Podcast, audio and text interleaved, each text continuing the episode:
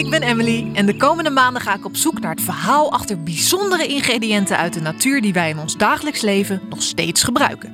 Denk bijvoorbeeld aan chiazaad, gember, argan. En dat doe ik niet alleen, dat doe ik samen met mijn vriend Filip. Ja, dag Emily. Eh, Dag iedereen. Hela. Nou, Filip die heeft dus altijd wel een sterk verhaal te vertellen. En samen struinen we door deze tuin vol met verhalen.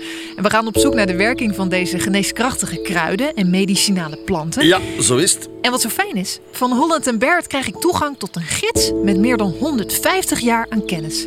En vandaag duiken we in de wereld van de hennepplant. Je ziet het overal in de winkel liggen. Hennepzaad, hennepproteïne, hennepzaadolie. Maar waar komt het vandaan? En word je er net zo high van als het plantje uit de koffieshop? Nou, om daar antwoord op te krijgen, gaan we eerst de tuin in.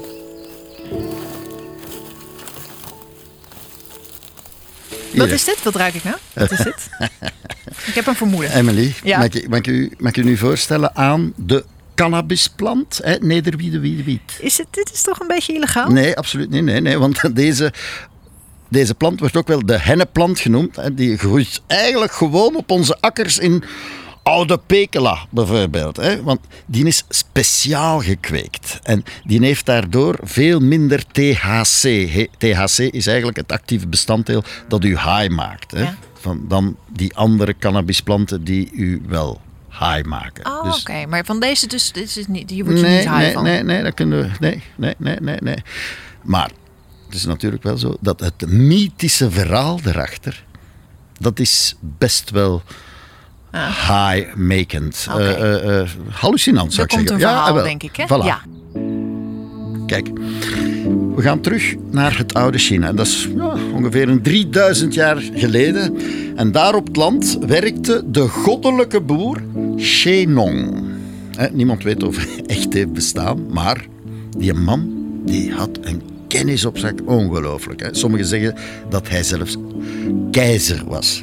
Dat maakt voor dit verhaal eigenlijk niks uit. Maar hij had in ieder geval een lange zwarte baard. Ja. Ja, tot op de grond. Ja.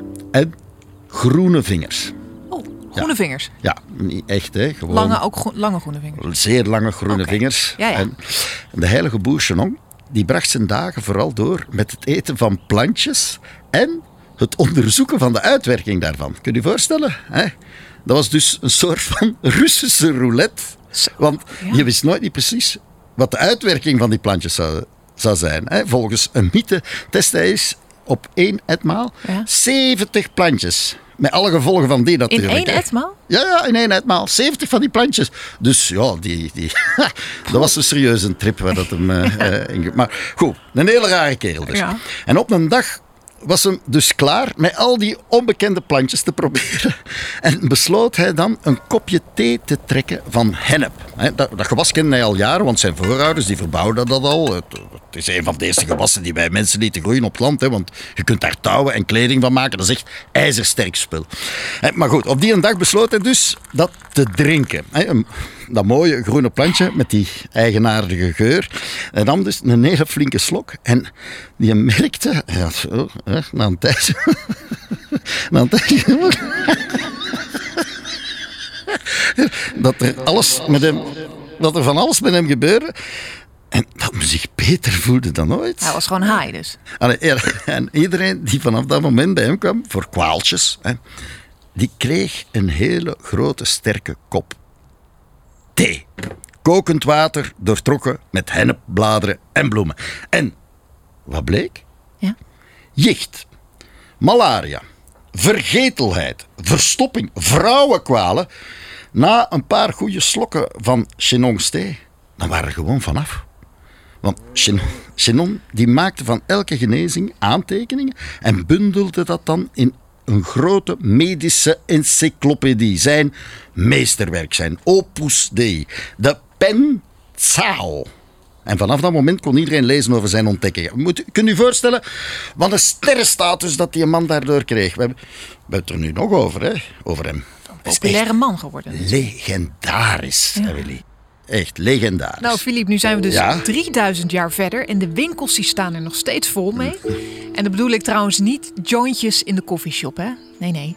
Eh, ik bedoel dan bijvoorbeeld hennepolie, hennepproteïne, En dan ben ik dus ook wel benieuwd of het nog altijd dezelfde werking heeft als in het oude China. En wat mooi is, Filip, ik heb hier dus een gids van Holland Barrett.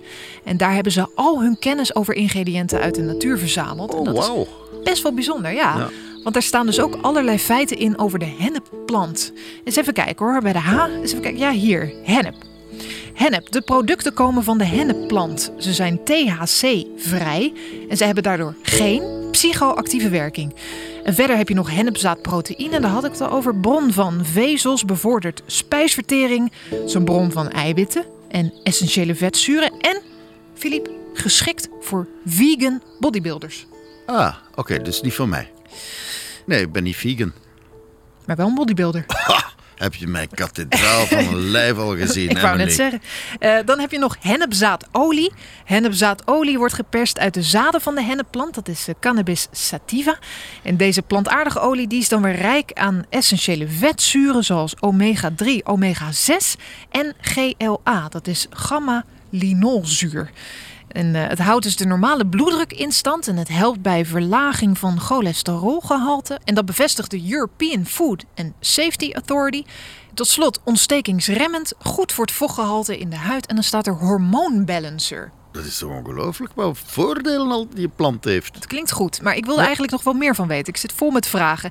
En Philippe, ik ken dus iemand die heel veel van de hennepplant weet. Aha. En dat is de geweldige Lisette Krijscher. Zij is herborist en schrijver van het boek The Plant Pharmacy. Dus we gaan haar eens even bellen.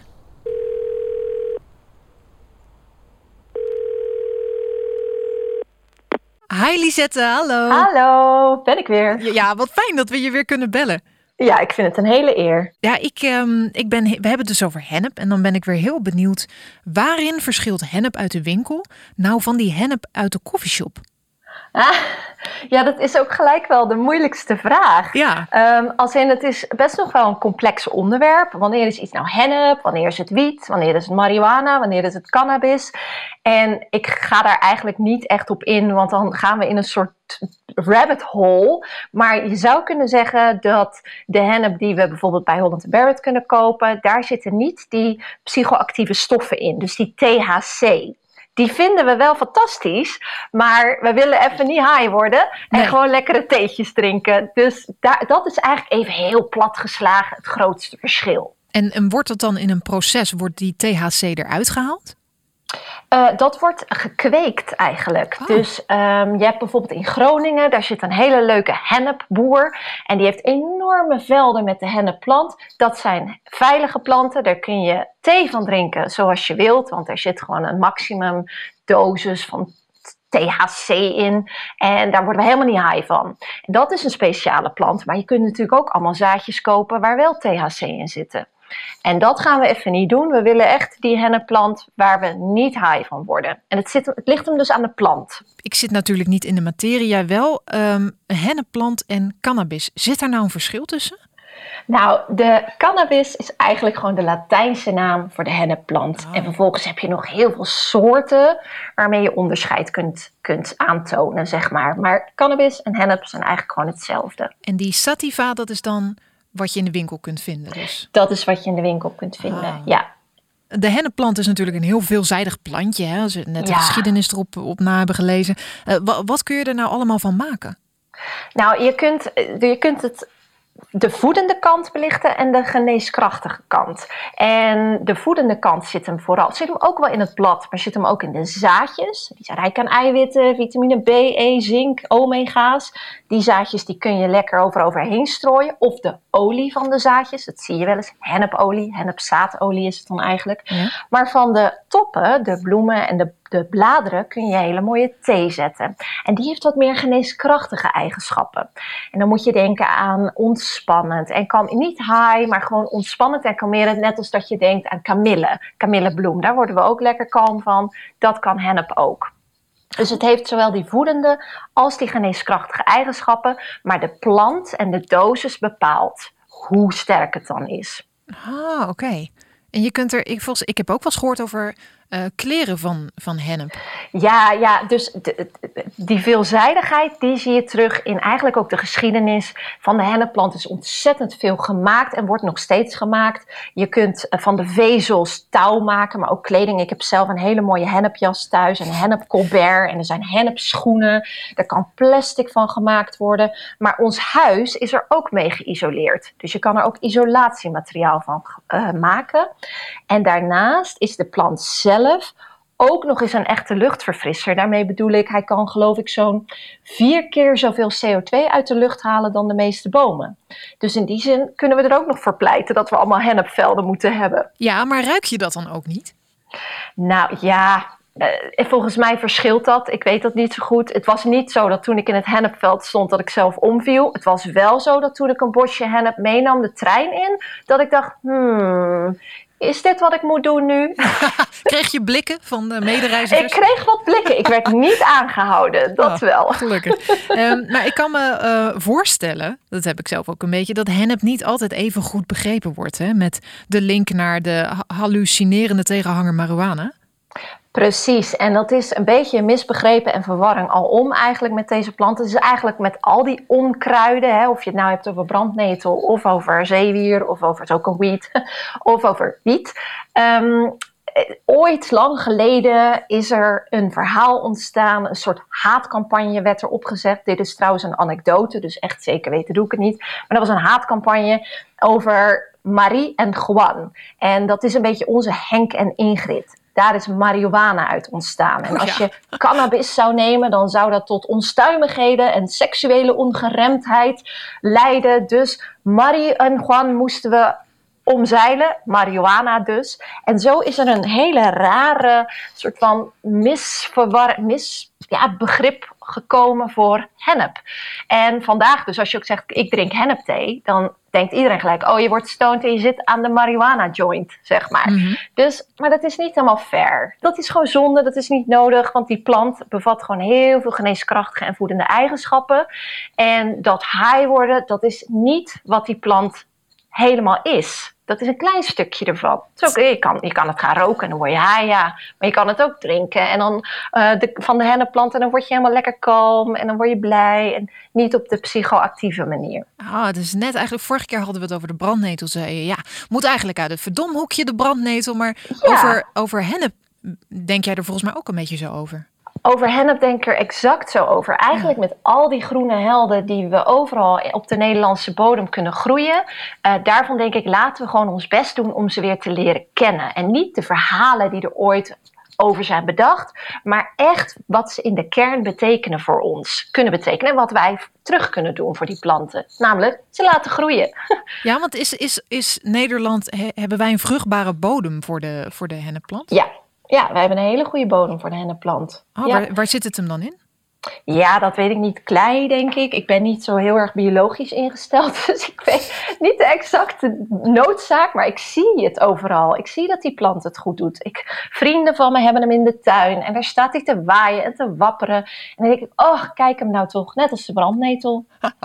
Eh, heb je nog tips voor een lekker hennepdrankje? Maar je zou een hele mooie verkoelende hennep-ijsthee kunnen maken. Dus dan trek je die mooie hennepthee, beetje misschien met wat munt erbij en lavendel. Laat je hem afkoelen, doe je limoentje bij, stukjes nectarine, wat ijsblokjes en je hebt een fantastische cocktail. Lekker. En kan je dat ook aan kinderen geven? Dat kan je zeker ook aan kinderen geven. Oké, en dan heb ik nog even. ehm, ja, Philippe die zit natuurlijk altijd vol met verhalen. Hij, hij zei net: in het oude China werd hennep gebruikt om mensen te genezen van allerlei kwalen. Is, is daar onderzoek naar gedaan over de geneeskracht van, van? Er is zo ontzettend veel onderzoek gedaan naar de geneeskracht van cannabis, dat ik Oh ja. eigenlijk nog steeds niet begrijp dat dat niet door alle artsen en door iedereen wordt omarmd. Ik denk dat het toch vooral de verhalen zijn, de marihuana-verhalen, die dat nog tegenhouden. Maar dat is echt zonde en een gemiste kans. Uit het verdomhoekje. Juist. Lisette Krijsje, dank je wel weer voor je mooie, Ja. goede uitleg. Graag gedaan. Ik vond het weer heel leuk om te doen. Ik ook dank. En eh, nou, aan de hennepthee dan. Aan de hennepthee. Doei! Als je nou nog iets wil weten over hennep, stuur dan een DM via de Instagram van Holland Barrett. Hey Emily. Hey, En? nou ik vond het wel interessant wat ze zei. Ja? Ehm, ze, ze noemden het weer een ondergewaardeerd Hollands plantje, net als de brandnetel. Ja, ja, Hij moet uit de verdomhoek. En ehm, ja, zij dronken vooral thee van s'avonds om eh, een beetje ontspannen te raken. En hij is multi-inzetbaar, hè? En dat ja. Touwen, kleding en CO2 uit de lucht. Ja, bijzonder hè? Dat is toch wel ongelooflijk. Heb je nog een recept? Ik zou velden vol met hennep en hennepsoep lijkt me ook wel lekker. Nou, we weten nu van alles over hennep. Filip, ga jij nog eh, verder in de tuin werken? Ik ben er al vandoor. Nou, dan vertel ik alvast waar de volgende aflevering over gaat. Dan ontdekken we namelijk alles over de zogeheten boom der schoonheid, de arganboom. En die groeit alleen maar in Marokko. En volgens sommige mensen wonen daar de mooiste mensen van de wereld. Ben benieuwd. Abonneer je op onze podcast Een tuin vol verhalen om niks te missen. En tot de volgende keer. Doeg!